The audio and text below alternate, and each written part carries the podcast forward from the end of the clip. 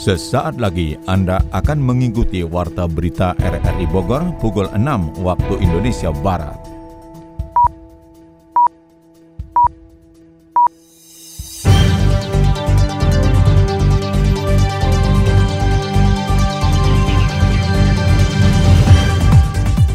Selamat pagi, Saudara. Warta Berita RRI Bogor akhir pekan, Minggu 21 November 2021, kami isi dengan rangkuman berita sepekan. Siaran ini dapat Anda dengarkan melalui aplikasi RRI Play serta turut disiarkan Radio Tegar Beriman Kabupaten Bogor. Bersama saya Mukhlis Abdillah, inilah rangkuman berita sepekan selengkapnya. Saudara, rangkuman berita sepekan kita awali dari Kecamatan Sukamakmur, Kabupaten Bogor, di mana sekitar 200 warga desa Sukawangi di kecamatan tersebut mengungsi akibat pergeseran tanah di wilayah tersebut. Selengkapnya dilaporkan Yofri Haryadi. Kalau memang daerah itu sudah kita petakan daerah memang yang rawan terhadap pergerakan tanah, tidak mudah untuk mengajak masyarakat yang sudah bertahun-tahun tinggal di situ untuk pindah. Itu kesulitannya kan seperti itu. Rekomendasinya memang harus relokasi. Sedikitnya 198 warga di Desa Sukawangi, Kecamatan Sukamakmur, Kabupaten Bogor mengungsi dan berharap direlokasi akibat pergeseran tanah yang terjadi di kawasan permukimannya. Kejadian tersebut diketahui pada Sabtu 13 November dini hari yang mengakibatkan satu rumah warga rusak terbawa pergeseran tanah, sementara 41 rumah warga lainnya terancam terbawa pergeseran pergeseran tanah di desa itu. Tidak hanya rumah warga, akses jalan lingkungan warga di Kampung Cigedel RT 3 RW 4 Desa Sukawangi, Sukamakmur, Kabupaten Bogor itu pun amblas sedalam 10 meter dan terputus. Kepala Pelaksana Badan Penanggulangan Bencana Daerah Kabupaten Bogor Yani Hasan mengungkapkan lokasi yang dihuni warga merupakan daerah zona merah yang sudah dipetakan dan rawan longsor. Kalau korban jiwa nggak ada ya, korban jiwa nggak ada. Jadi kan kalau konotasi korban biasanya suka ada yang luka-luka, yang jiwa nggak ada, nggak ada seperti itu. Ada satu rumah yang sementara perkembangan terakhir itu satu rumah memang rusak berat. 41 rumah terancam. Jadi sebenarnya rumahnya tidak apa-apa, rumahnya nggak apa-apa terancam oleh pergerakan tanah itu. Sampai sekarang yang 41 rumah itu tidak ada kerusakan apa-apa, hanya karena terancam sehingga mereka mengungsi gitu karena hujan dan takut uh, bergerak dalam kondisi malam dengan mengungsi sebanyak 49 50 uh, kakak berikut yang rumah tadi yang rusak. Tidak ada korban luka maupun jiwa dalam kejadian tersebut. Tim penanggulangan bencana dari Dinas Sosial sudah membangun dapur umum untuk 40 keluarga yang mengungsi di gedung SD negeri di desa tersebut dan 10 keluarga lainnya di rumah keluarga yang lebih aman dari ancaman longsor dan pergeseran tanah. Salah seorang relawan tanggap bencana Laila mengatakan warga membutuhkan membutuhkan beras untuk makan mereka. Ini karena tadi katanya masih kan hujan bukan hujan tuh pasti ngedengar suara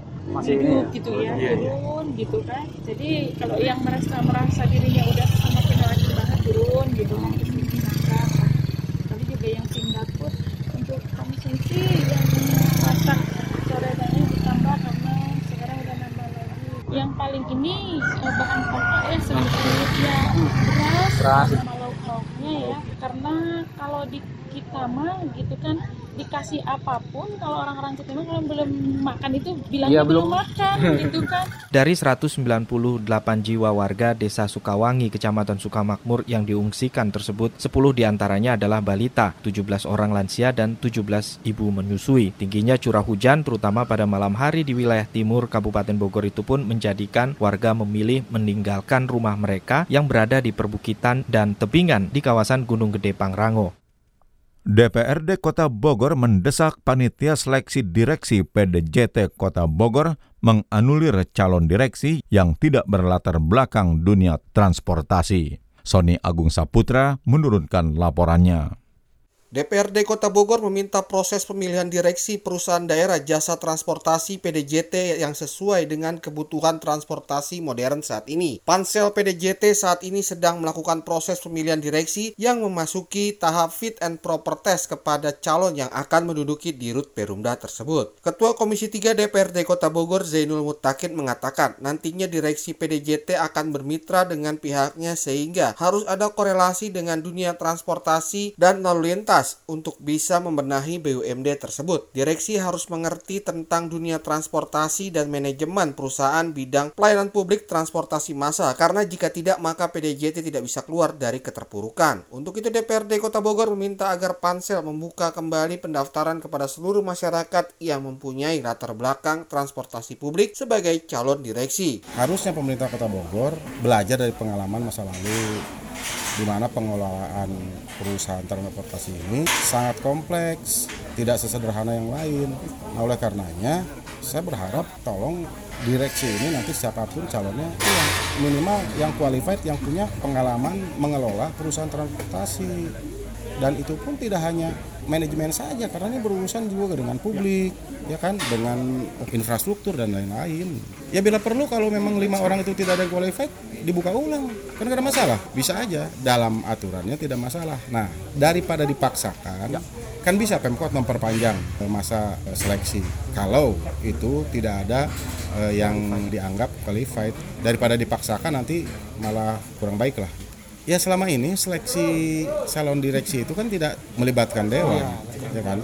Eh, dewan hanya nanti setelah terpilih, bukan given karena kita akan menjadi mitra dan kita harap mitra ini yang bisa menyehatkan PDJT. Sementara itu mantan wakil wali kota Bogor Usmar Hariman mengungkapkan dalam perjalanan PDJT memang tidak mudah karena adanya berbagai rintangan yang menyebabkan keterpurukan Berumda tersebut. Ada sejumlah aturan dalam perda yang harus menjadi acuan saat menggelar pansel direksi di BUMD bidang transportasi itu sehingga tidak sembarangan dalam menunjuk atau memilih direksi untuk menjalankan roda organisasi badan yang akan menjadi Perumda itu. Baiknya sih amanat saya sekarang tolong dilurut lagi aturan regulasi yang dari sejak awal sampai dengan akhir 2007 sampai dengan sekarang. Khawatirnya ada kekosongan hukum di bagian-bagian tertentu. Minimal kan ada ada dua raperda yang menanggi yaitu raperda pendirian perusahaan itu sendiri yang disebut PDJT yang sekarang lagi dibahas ke arah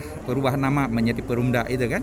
Yang kedua adalah yang paling sensitif yang sering menjadi sorotan adalah eh, perda penyertaan modal APMP karena di dalam PDJT itu ada dua jenis yang jadi modal dasar di dalam penanaman modal eh, apa penyertaan modal yaitu penyertaan modal fisik dan penyertaan modal tunai atau cash. Nah, BUMD lain yang ada di Kota Bogor tidak. Ada yang cash, PDM cash, gitu kan, pasar cash kan gitu. Asetnya tidak dihitung jadi modal dasar, tapi PDJT asetnya dihitung menjadi modal dasar selain bangunan gedung ya. Nantinya DPRD Kota Bogor bersama masyarakat akan melakukan pengawasan terhadap pelaksanaan kinerja pansel termasuk jika nantinya ada direksi yang terpilih hasil seleksi pansel untuk menduduki kursi jabatan di PDJT mengemban amanah memperbaiki dunia transportasi massal dengan berbagai program seperti konversi angkot dan operasional bus kita Transpakuan. Wakil Gubernur Jawa Barat mengingatkan sekolah yang melaksanakan PTM tetap disiplin menerapkan protokol kesehatan meski banyak wilayah di Jawa Barat yang masuk PPKM level 2 dan 1. Kita simak catatan Adi Fajar Nugraha.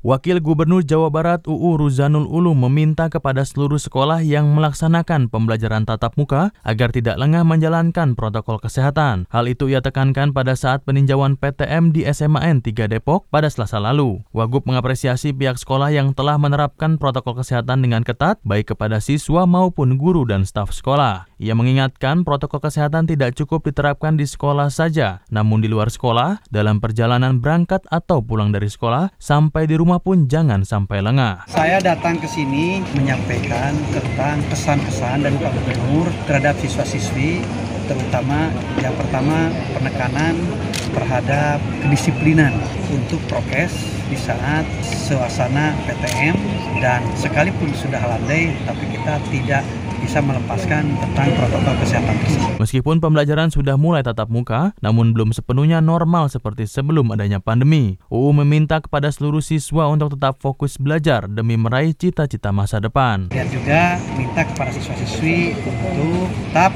belajar dengan baik, sekalipun proses belajar mengajar tidak sempurna seperti yang sebelumnya karena jumlahnya tidak sesuai dengan per kelas, masih setengah-setengah tidak menjadikan halangan. Dalam peninjauannya, Wagub Jabar UU juga memberi arahan kepada Musyawarah Kerja Kepala Sekolah atau MKKS, SMA, SMK, SLB, dan pengawas sekolah sekota Depok yang menegaskan pentingnya membangun kolaborasi dalam membangun generasi penerus yang berkarakter dan berdaya saing tinggi. Pemerintah Kota Bogor melalui Dinas Pendidikan akhirnya mengambil alih pelaksanaan proses kegiatan belajar mengajar atau KBM SD dan SMP atau Fik Cimanggu, Kedung Waringin, Tanah Sareal. Ini menyusul tidak adanya kesepakatan islah atau damai yang sebelumnya dimediasi antara pihak At-Taufik dan Al-Irsyad. Keputusan tersebut disampaikan Wali Kota Bogor Bima Arya di Sekolah At-Taufik awal pekan ini. Ada dua hal yang disampaikan dalam kesempatan tersebut, yaitu penunjukan pelaksana tugas atau PLT Kepala SD dan SMP atau FIK dan penghentian sementara proses penerimaan peserta didik baru PPDB. Tugas PLT Kepala Sekolah hanya satu, yakni memastikan pelaksanaan KBM berjalan baik dan kondusif. Disdik Kota Bogor sejak saat itu hingga enam bulan ke depan menunjuk Kepala Seksi Kurikulum SMP Ahmad Furkon sebagai PLT Kepala SMP atau FIK dan pengawas SD Herlina sebagai PLT SD di sekolah tersebut. Kebijakan penghentian sementara PPDB berlaku hingga ada kepastian hukum maupun kesepakatan kedua belah pihak. Bima menegaskan pemerintah kota Bogor melalui Disdik tidak berpihak kepada siapa pun, sehingga kepada semua pihak ia meminta untuk menahan diri dan berpikir panjang karena berkaitan dengan masa depan anak didik.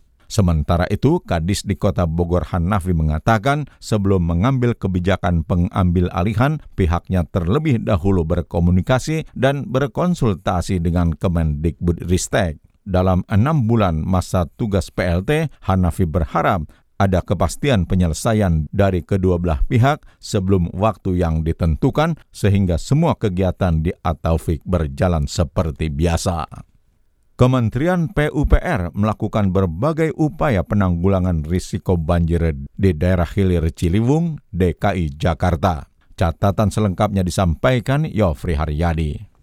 Kementerian Pekerjaan Umum dan Perumahan Rakyat melakukan berbagai upaya untuk menanggulangi resiko banjir di daerah hilir Ciliwung, yakni Provinsi DKI Jakarta. Pembangunan Waduk Ciawi dan Sukamahi tidak akan banyak berpengaruh jika masyarakat terutama di sepanjang daerah aliran Sungai Ciliwung tidak memiliki kesadaran, seperti penanaman vetiver dan mengembalikan fungsi drainase sebagaimana mestinya. Dirjen Sumber Daya Air Kementerian PUPR Jarod Widyoko menjelaskan pemerintah daerah di sepanjang das Ciliwung harus mengedukasi warganya dan melakukan tindakan nyata mengantisipasi banjir di wilayahnya, mengembalikan fungsi setu atau danau, serta membuat sumur resapan yang tujuannya ketika terjadi hujan deras air tidak mengalir ke sungai namun masuk ke dalam tanah. Tingginya curah hujan di Jabodetabek menjadi salah satu penyebab banjir genangan di titik rawan yang konturnya rendah atau berbentuk cekungan pengelolaan das menjadi prioritas utama. Sungai itu menerima akibatnya. Pengendalian run off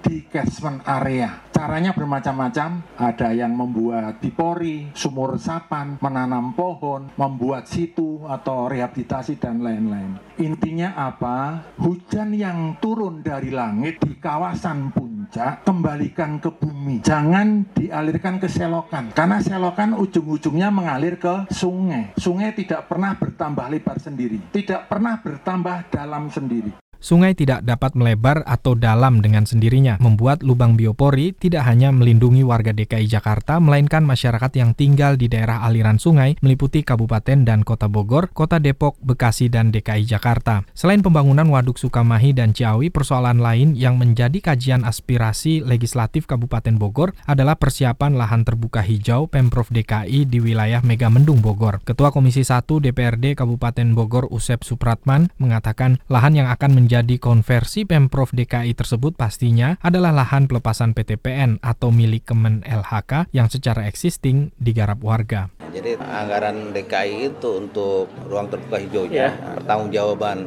Pada saat mereka itu bikin izin lah PSU oh, ini itu nggak ada. Tanggung jawabnya harus membuat kawasan hutan baru ya karena mereka tidak punya tanah ya.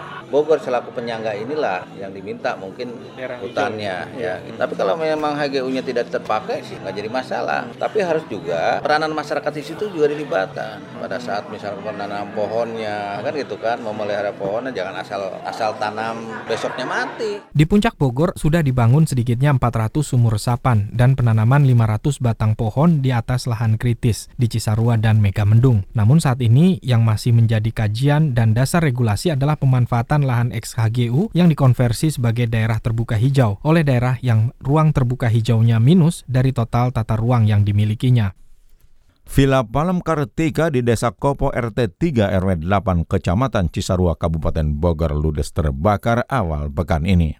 Kebakaran diduga akibat konsleting listrik pada salah satu bagian villa tersebut. Babinsa Kopo Aibtu Karodono mengatakan tidak ada korban jiwa dalam kebakaran itu, hanya kerugian material yang ditaksir sekitar 200 juta rupiah. Nama saya Kardono, Babin Kamtipmas eh, Desa Kopo, Polsek Cisarua bersama Babinsa Kopo, Pak Edwin Karamoy, Pol PP dan staf Desa Kopo, warga sekitar berusaha membantu musibah kebakaran yang terjadi di Villa Palem Kartika. Dugaan sementara karena tadi eh, pas kejadian warga banyak membawa atau menunjukkan kabel, mungkin bisa dilihat ada kabel terbakar. Jadi diperkirakan dugaan sementara adalah konsleting listrik Guna memadamkan kobaran api, warga bergotong royong berusaha memadamkan api yang melahap bangunan villa tersebut hingga dua unit mobil damkar dari Pul Ciawi datang memadamkan kobaran api itu. Villa Palem Kartika tersebut dalam kondisi kosong alias tidak ada aktivitas selama lebih kurang satu setengah tahun belakangan ini. Saudara, Anda tengah mengikuti rangkuman berita sepekan dari Radio Republik Indonesia Bogor. Siap siaga mengantisipasi bencana, pemerintah Kabupaten Sukabumi melakukan konsolidasi lintas sektoral. Berikut catatan Adi Fajar Nugraha. Ratusan personil gabungan dari TNI, Polri, BPBD, dan SAR disiapkan dalam upaya siaga darurat bencana di wilayah Kabupaten Sukabumi. Upaya ini dilakukan pemerintah Kabupaten Sukabumi untuk mencegah dan meminimalisir dampak dari bencana yang dapat terjadi di mana pun dan kapan pun. Sekretaris Daerah Kabupaten Sukabumi Ade Suryaman menjelaskan, seluruh unsur SKPD disinergikan untuk merespon cepat potensi bencana di seluruh lokasi. Ia mengungkapkan potensi bencana di peralihan musim kali ini cukup signifikan meningkat, terlihat dari data terakhir BPBD dalam bulan November ini sudah terjadi lebih dari 100 kejadian bencana. Memang akhir-akhir ini bencana di Kabupaten Sukabumi meningkat sampai sebulannya itu lebih dari 100 bencana. Oleh karena itu di bulan November laporannya udah 100. Oleh karena itu kita mungkin bisa lebih konsolidasi dalam langkah penanganannya. Ada yang juga sebagai Kepala BPBD Kabupaten Sukabumi mendorong aparat kewilayahan juga turut berperan aktif bekerja sama dengan BPBD dalam merespon cepat pencegahan dan penanganan bencana. Kita sebetulnya sudah ada BPBD, BPBD koordinasi dengan kecamatan, dengan juga aparat setempat, dengan Polres, dengan Dandim yang di lapangan Polsek dan dan Ramil. Itu sudah kita laksanakan secara keseluruhan dan alhamdulillah berjalan dengan lancar. Pemkap Sukabumi meminta seluruh unsur penanganan kebencanaan dapat menjaga kekompakan, terus berkoordinasi dalam kesiapsiagaan penanggulangan bencana di wilayah Kabupaten Sukabumi. Persoalan kemacetan dan jalan rusak di jalur puncak serta masalah pembangunan bendungan Ciawi Sukamahi menjadi fokus pembahasan dalam reses Dapil 3 DPRD Kabupaten Bogor di Kecamatan Megamendung. Kita simak catatan Yofri Haryadi. Persoalan lingkungan hidup, kemacetan, dan masalah sosial kemasyarakatan menjadi pembahasan dalam kegiatan reses Dapil 3 DPRD Kabupaten Bogor akhir tahun anggaran 2021 di Kecamatan Megamendung, Bogor. Sorotan yang akan menjadi serapan aspirasi sebagai agenda kerja anggota legislatif pada tahun berikutnya adalah dampak kemacetan dan proyek pembangunan infrastruktur bendungan Ciawi Sukamahi yang memiliki dampak langsung masyarakat di tengah pengerjaannya saat ini. Anggota Komisi 3 Dapil 3 DPRD Kabupaten Bogor, Tuti Alawi Sofia mengatakan kemacetan dan jalan rusak di puncak Bogor dan jalan alternatif yang merupakan jalan lingkungan warga lebih dikarenakan ketidaktegasan Dinas Perhubungan dalam membatasi truk dan kendaraan bertonase besar melintasi jalan lingkungan warga. Sementara itu terkait keluhan warga yang terdampak pembangunan dry dam anti banjir Das Ciliwung, Komisi 3 bersurat ke Komisi 5 DPR RI untuk menekan percepatan pembangunan Waduk Sukamahi dan Ciawi. Komisi 3 ya, ya itu kan berbentuk aspirasi, apalagi Komisi 3 ini masalah jalan udah bukan hal biasa ya, di mana-mana pasti ada kemacetan, jalannya rusak segala macam gitu ya. Karena ini jalan tuh berhubungan dengan disub ya. Kenapa? Karena disub di sini tidak disiplinnya kayak truk-truk sebagainya gitu. Jadi buat jalan itu rusak, terus masalah kemacetan segala macam. Komisi 5 mereka juga membantu masalah bendungan, masa karena kalau kita nunggu hanya di kabupaten lama ya, lambat karena masyarakat juga pasti sangat mengeluh. Dampak pembangunan dry dam Waduk Ciawi dan Sukamahi yang dikeluhkan warga antara lain aliran Sungai Ciliwung menjadi keruh akibat lumpur dari pengerukan tanah pada proyek Waduk Kering Sukamahi Ciawi. Selain persoalan waduk dan lahan yang akan terkonversi oleh program penghijauan, persoalan lain yang muncul di tengah reses DPRD Kabupaten Bogor adalah soal pariwisata. Sekjen PHRI Kabupaten Bogor Boy Ruswanto menjelaskan Pemkap Bogor harus jelas menerbitkan regulasi kepada pelaku usaha wisata di Puncak Bogor jelang Natal dan pergantian tahun baru nanti. Banyak yang nanya nih bagaimana Natal dan tahun baru. Yes. Natal tahun baru ini kita sih pengennya ada acara ya tapi kan kita nggak tahu juga nanti kalau kebijakan dari pusatnya. Makanya kita ya wait and see aja untuk masalah itu. Kalau untuk yang booking booking sudah ada untuk tahun baru? Saya tidak tidak terlalu ini belum belum belum tanya infonya yang booking booking. Mungkin ya ke sebagian hotel-hotel besar sih sudah ada yang seperti itu. Mereka juga wait and see. Jangan sampai mereka booking ternyata nanti ada keputusan, ada kebijakan yang dari pusat misalnya seperti tahun lalu melarang ada kegiatan tahun baru kan itu yang baru mereka juga tidak mau spekulasi ya kayak gitu. Tapi ya mendingan dadakan. Wilayah selatan Kabupaten Bogor akan menjadi kunjungan wisata pada libur Natal dan malam pergantian tahun baru. Sementara penerapan PPKM di Kabupaten Bogor masih dalam status level 3. Sementara syarat dibukanya objek wisata sudah terpenuhi. Sekda Kota Bogor Syarifah Sofia menyatakan senam Bogor berlari menjadi ikon Kota Bogor. Untuk itu, ia meminta agar senam tersebut dimasyarakatkan secara benar karena dapat mendukung pengukuran Target Sport Development Index atau SDI Kota Bogor, salah satunya mengenai berapa jumlah partisipasi masyarakat dalam berolahraga. Sekda menyebutkan SDI meliputi empat dimensi, yaitu ruang terbuka yang tersedia sebagai tempat berolahraga, SDM dan ketenaga kerjaan olahraga, partisipasi masyarakat, serta derajat kebugaran jasmani. Pihaknya memiliki tugas untuk mendukung dan meningkatkan kinerja daerah dan olahraga bisa menjadi potensi dasar yang sangat baik. Melalui rutin berolahraga ujarnya, ada fungsi-fungsi sangat penting yang didapat seseorang mulai dari mengaktifkan otot dan stamina. Khusus pada masa pandemi COVID-19, olahraga tegasnya lebih dibutuhkan untuk meningkatkan imunitas, perbaikan metabolisme, meningkatkan kesehatan otot dan otak, serta mengurangi tingkat stres. Politisi senior yang juga mantan reporter olahraga TVRI Maxo Pakua tutup usia setelah sempat menjalani perawatan di RSPAD Gatot Subroto, Jakarta.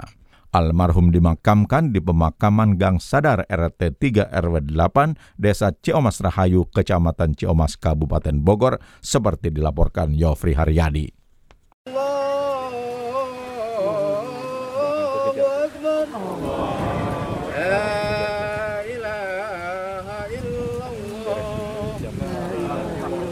Itulah momen terakhir keluarga dengan jenazah Makso Pakua saat dikebumikan di tempat pemakaman umum Gang Sadar RT 3 RW 8 Desa Ciomas Rahayu, Kecamatan Ciomas, Kabupaten Bogor. Jenazah almarhum dikebumikan bersama satu liang lahat dengan jenazah sang istri Tuti Irawati yang berendeng dengan makam anak keduanya Ike Irfani Sopakua. Penggali makam dan juru pelihara makam Amir Hamzah mengatakan keluarga besar almarhum Makso Pakua, istri dan anaknya dimakamkan di komplek pemakaman umum tersebut. Dia kan tadi datang jam kalau nggak salah jam 6, mm -hmm. jam 6 pagi-pagi. Pak Pak Dae itu Pak Dai tahu saudara saudaranya kan. Terus ke sini minta di satuin. Iya boleh satuin nah, hancurin nih gitu. Udah dihancurin kira-kira berapa jam? Ya satu jam dua jam beres, Beres, cek ya. bentar di sini mah nggak bata batu batu gede gitu. Bagusnya agak dalam yang pertama ibunya. Jadi sekarang di ibu tuti meninggal Pak Pak Dai itu. Yang anaknya Oh, meninggal. Ike Ike Ike Irfani tak baru Pak Dai ke sini Menurut Nurul, warga di sekitar komplek makam almarhum istri Max Sopakua adalah warga asli Ciomas 2 yang jaraknya berada di seberang jalan utama Ciomas Bogor. Sementara keluarga Max Sopakua tinggal di Gang Kepatihan, Panaragan, Kota Bogor. Isinya di situ.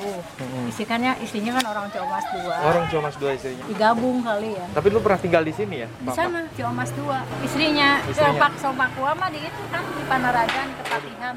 Kalau istrinya dulu di sini, orang sini orang Pintu Lendeng Ciomas 2. Tapi pada kenal waktu Pak Max jadi anggota dewan Tahu, gitu. Tahu pada tahu ya. tahu.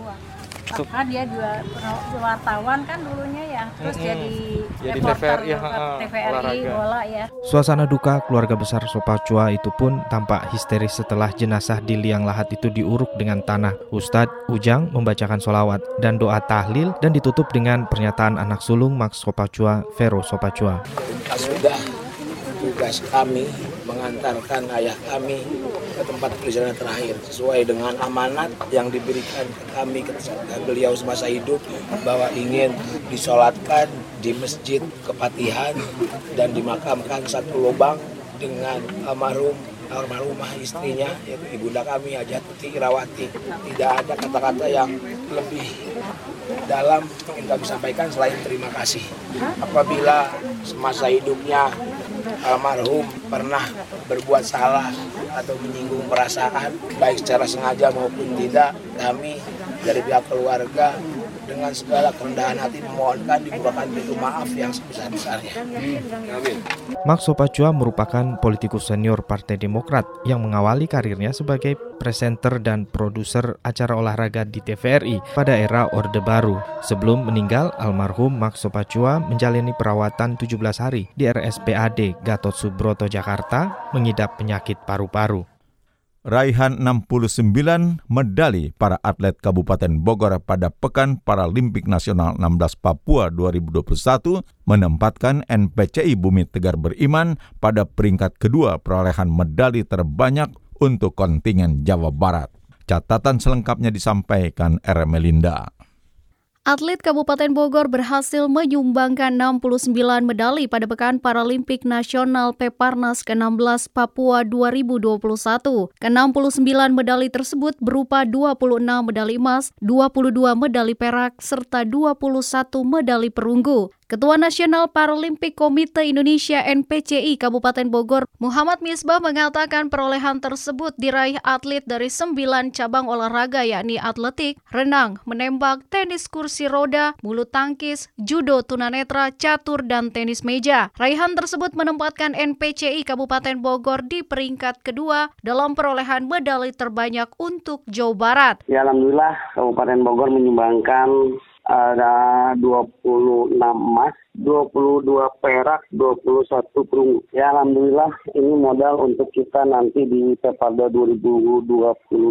Kebetulan di Peparnas ini Kabupaten Bogor di posisi dua ya, penyumbang terbanyak di bawah Kota Bandung. Atas pencapaian tersebut, Muhammad Misbah menyampaikan terima kasih kepada semua atlet Kabupaten Bogor yang telah berjuang dengan maksimal untuk Jawa Barat. Hasil tersebut diharapkan menjadi motivasi bagi atlet-atlet NPCI. Sementara itu, atlet Paralimpik bulu tangkis Jawa Barat asal Kabupaten Bogor, Ivo Sahdan yang berhasil meraih tiga medali emas pada Peparnas ke-16 Papua 2021 merasa bangga atas prestasi yang telah dicapainya untuk Jawa Barat dan juga Kabupaten Bogor. Namun Ivo memiliki harapan agar dalam ajang Peparnas ke depannya, ia bersama dengan seluruh atlet Kabupaten Bogor bisa mendapat fasilitas yang sama dan tetap bisa dilatih untuk jangka panjang. Untuk Peparnas sendiri sudah oke sih ya kayak mulai dari haknya yang sama didapat seperti bonus yang sama, fasilitas lah gitu sama. Terus udah puas lah, bagus lah semuanya lah. Cuma mungkin satu aja sih masukannya. Jadi kan sebelum event ada yang namanya platda gitu, Mhm. training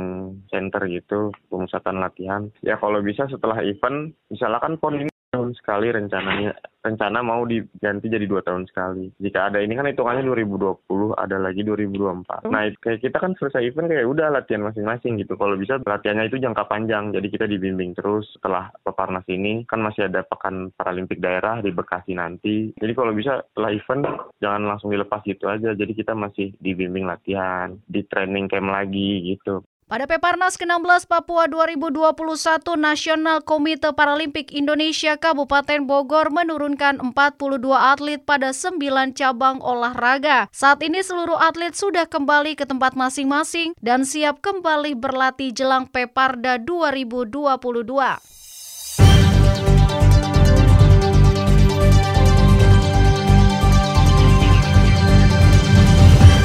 Saudara, demikian rangkuman berita sepekan RRI Bogor pagi ini. Siaran ini dapat Anda dengarkan kembali melalui podcast kami di Spotify, Anchor, Podtail, dan Google Podcast. Saya Muhlis Abdillah merangkap Desk Editor bersama penata teknik Mahdinur mengucapkan terima kasih atas kebersamaan Anda. Selamat pagi dan selamat berakhir pekan.